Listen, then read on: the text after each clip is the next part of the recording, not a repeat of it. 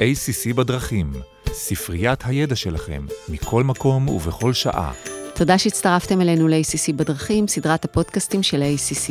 ACC הוא ארגון היועצים המשפטיים הפנימיים בישראל. אני עורכת דין מירב לשם, והיום אני מארחת שני עורכי דין שאני מכירה ומעריכה, ואני קצת פחות מתרגשת כי זה הפרק השני, אבל עדיין זה מרגש אותי. יושבים מולי באולפן של קובי קלר, עורך דין מוטי אמין ועורך דין יונתן חיימי, ממשרד ארדינס בנתן, טולידנו ושות' עם המבורגר עברון. למוטי יש היכרות עומק בשוק ההון הישראלי, והוא בעל מומחיות יוצאת דופן בדיני ניירות ערך ובדיני תאגידים. מוטי כיהן בתפקידים שונים ברשות ניירות ערך, יש לו גם ספר. כאלה שעשו שינוי עמוק בשוק וגיוונו אותו עם מכשירים כמו מניות בכורה, אג"ח קוקו, סטרקצ'רים. מוטי היה חבר בוועדה לקידום האיגוח בישראל, אותה ועדה שאנחנו מדברים עליה עכשיו, זה התוצרים שלה. ואני רק אציין שבחמש שנים האחרונות הוא הצטרף למשרד EBN כשותף וכראש מחלקת שוק ההון וניירות ערך, והספיק להוביל כמה מההנפקות הגדולות בשנים האחרונות. גם יונתן יוצא רשות ניירות ערך והיה המפקח הישיר שלי בעבר, וזה שאנחנו יושבים עכשיו זה עדיין זה כי החיים מצחיקים. ברשות הוא שימש כממונה על, על תחום ממשל תאגידי, ממונה על אה, חברות דואליות, עורך דין בכיר במחלקת תאגידים ברשות ניירות ערך.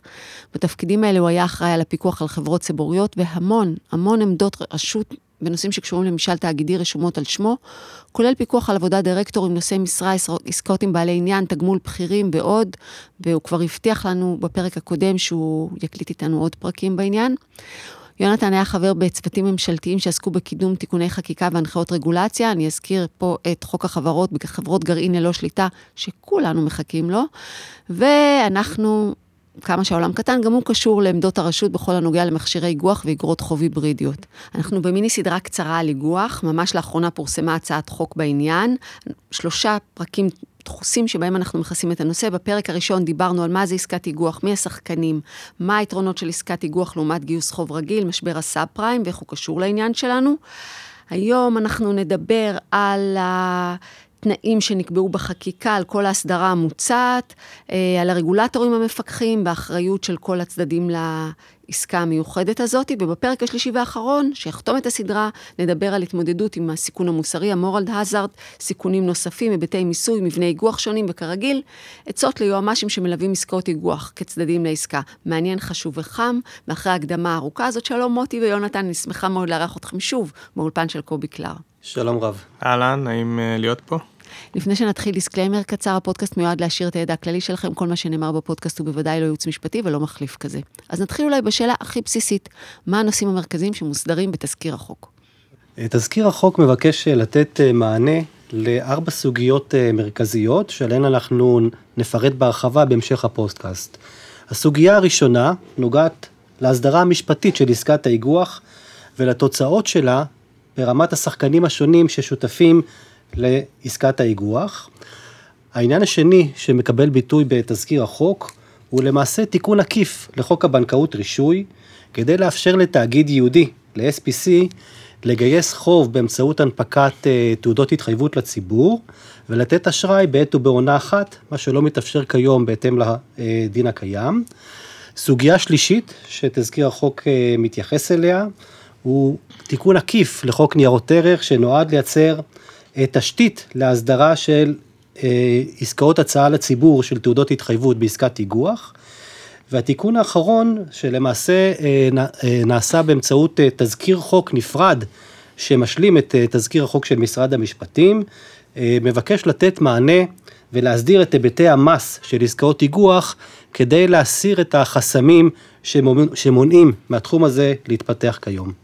מה נדרש בעצם כדי שעסקת איגוח תסווג כעסקת מכר אמיתית ולא כהלוואה? למה זה חשוב? אז, אז אמרנו בפרק הקודם, ואולי שווה לחזור על הנקודה הזאת, שבעצם היתרון המרכזי של, של האיגוח הוא שהתאגיד שה, שיוזם את האיגוח, היזם, מעביר נכסים ל-SPC, לתאגיד אה, יהודי, שבאמצעות ההעברה הזאת, בעצם הנכסים שהועברו קופסה סגורה, והאג"ח שמונפק כנג, שמונפקות כנגדם אה, למעשה מתומחרות בהתאם. כדי שהנכסים האלה יועברו לקופסה הסגורה הזאת, ל-SPC, ויתומחרו רק ביחס אליהם, כמובן שההעברה הזאת צריכה להיות העברה אמיתית. זאת אומרת, כאן יש חשיבות שההעברה תהיה מסווגת כעסקת מכר אמיתית, מה שמכונה true sale, ולא סתם כאיזה משהו מלאכותי כזה, כהעברה של נכסים כהלוואה, או שבעצם היזם ימשיך להחזיק בנכסים האלה דה פקטו, וזה סתם יהיה אה, סיווג אה, כזה של אה, תאגיד. אה, ולכן אה, אופן סיווג ההעברה הוא, הוא קריטי בשביל שהעסקה תהיה עסקת איגוח, מה שנקרא אמיתית. אה, בהקשר המשפטי, אה, כאשר אנחנו מדברים על העברת נכסים מהיזם ל-SPC הזה, אז למעשה יש הבדל אם אנחנו מסווגים את ההעברה כעסקת מכר אמיתית, true sale, או כהלוואה שמובטחת בשעבוד, כי הסיווג בין עסקת מכר לבין הלוואה, יש לו חשיבות קריטית מבחינת, ה, מבחינת גם אה, איך שאחרי זה אה, משקיעים ומחזיקי ניירות ערך ברמת התאגיד יוכלו לטעון להמשך אה, אה, אפשרות להיפרע מהנכסים האלה שהועברו או לא. אני רק אחדד, אם אנחנו מדברים על עסקת מכר אמיתית, זאת אומרת הנכסים ממש עברו, אז הנכסים המגבים שעברו לא ייכללו במסה של הנכסים של היזם כולו ברמת הקורפרט שתעמוד לחלוקה לנושים של התאגיד במקרה של חדלות פירעון. לעומת זאת, אם אנחנו מדברים על אשראי שהוא מגובה משכון, זאת אומרת, היזם ממשיך להחזיק למעשה באותם הנכסים, והמשכון הוא, הוא לא רשום, אז הנושים של התאגיד היהודי לא יקבלו עדיפות על פני הנושים של היזם, אם הם לא ידעו על העסקה. זאת אומרת, אנחנו ממשיכים למעשה להימצא בפול הכללי של הסיכון. אמ, ובאמת, דברי ההסבר לתזכיר החוק מדברים על זה ומסבירים מדוע חייבים לייצר מצב שהעברת הנכסים היא העברה שנעשית במסגרת מכר אמיתי, true sale, אה, ולא, ולא כהלוואה או כאיזושהי סוג של העברה מלאכותית.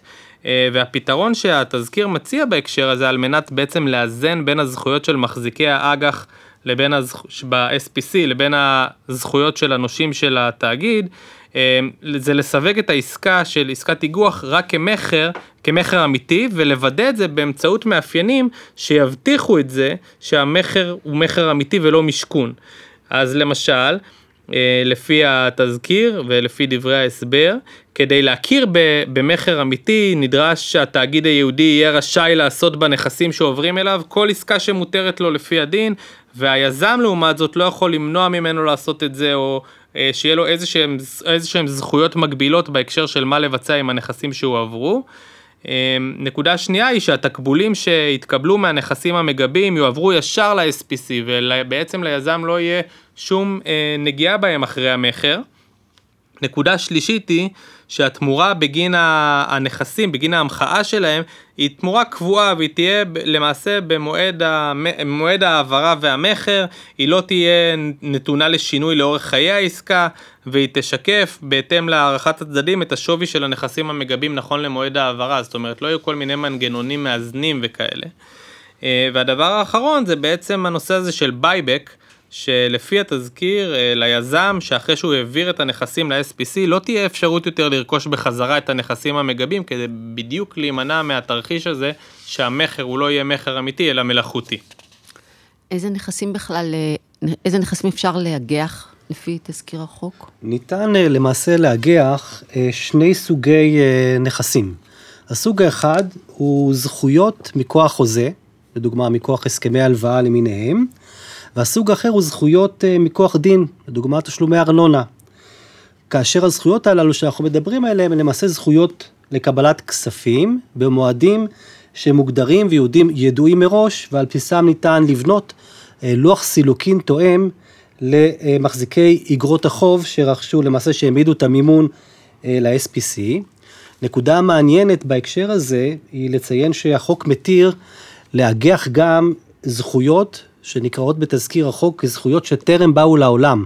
כלומר, במועד ביצוע עסקת האיגוח הן עדיין לא קיימות בידי היזם, אבל הן מתאפיינות בכך שהן יגיעו בהמשך אה, לתוך תיק הנכסים המאוגח כתחליף לנכסים שהיו במועד ביצוע העסקה המקורית. לדוגמה, אם אנחנו מדברים על אה, עסקת איגוח לחיובים של אה, סליקה בכרטיסי אשראי, אז מטבע הדברים, החיובים הללו נסלקים בתוך פרק זמן קצר יחסית של 30 ימים או 60 ימים וכדומה, וברגע שניתן לבצע איגוח מתגלגל של זכויות שטרם באו לעולם, ניתן לבנות למעשה תיק עם אח"ם ארוך יותר, על בסיס זכויות שמלכתחילה היו אה, עם אח"ם שהוא קצר יותר.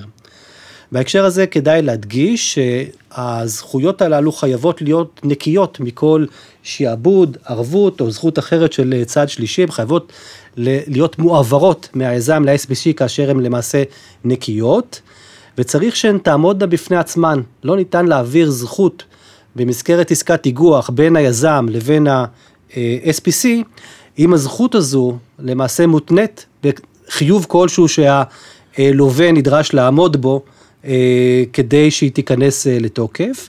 ואולי רק אנקדוטה נציין שהחוק נותן מענה גם למצב שבו נדרש לצד הזכות אה, להנחות גם חיוב, כל עוד החיוב הוא שולי.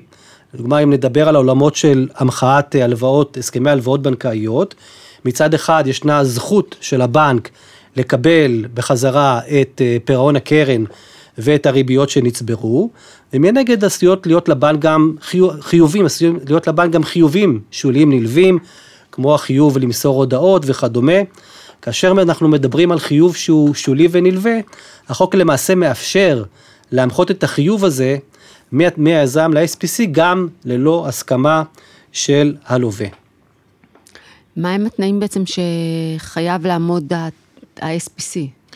כן, אז אנחנו נפנה רגע את הזרקור באמת ל-SPC, שהוא זה שמקבל את הנכסים ומכאן יתפעל אותם, אז האמת ש- שהתזכיר אה, מתייחס לא רע לכל הנושא הזה, אה, וקודם כל הוא מחייב מן הסתם שה-SPC הזאת תהיה חברה פרטית שהתאגדה ב- בישראל, בשלב הזה אנחנו מדברים על חברה שהתאגדה כאן, וכמובן זה גוזר כפיפות לדיני התאגידים הישראלים. ולממשל תאגידי ישראלי, במאמר מוסגר רק נגיד שיש הקלות בכל מה שקשור לממשל התאגידי כנראה ביחס לתאגידים מהסוג הזה.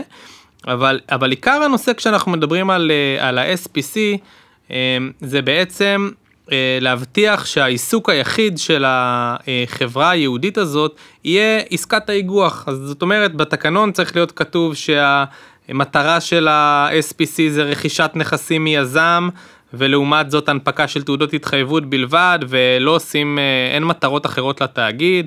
והשימוש בתמורה על ידי ה-SPC נועד לרכישת נכסים מגבים ולהתקשרות עם שרת ולא מעבר לזה, זאת אומרת למעשה התנאים בתזכיר מבטיחים שה-SPC ייוחד רק לעניין האיגוח. אמ, יש עוד uh, משהו שנדבר עליו בקשר לפטור uh, מהחובה לקבל רישיון למתן אשראי, נדבר על זה כבר בהמשך, אבל נקודה נוספת שכן אה, שווה אה, לציין זה שבכל מה שקשור לבעיות מכוח אה, חוק הריכוזיות כחברות שכבה וכולי, אז בתזכיר החוק ממש מבהירים שה-SPC לא ייחשב כחברת שכבה בפירמידה לצורך חוק הריכוזיות אם הוא יישלט על ידי חברת שכבה. וזה בגדול התנאים המרכזיים שה-SPC צריך לעמוד בהם במסגרת התזכיר. אה, התנאים, מהם תנאי הכשירות, מהם תנאי הכשירות שנדרשים מהשרת בעסקת האיגוח? יש מה החובות שמוטלות עליו. כן, אז השרת יש תפקיד אה, מרכזי בעסקת איגוח, הוא למעשה מתפעל את הנכסים המגבים ואחראי לגבות את אה, סכומי הכספים או את התזרים שאמור להתקבל מהם. בתזכיר החוק נקבעו מספר קריטריונים או תנאי סף שהשרת נדרש לעמוד בהם.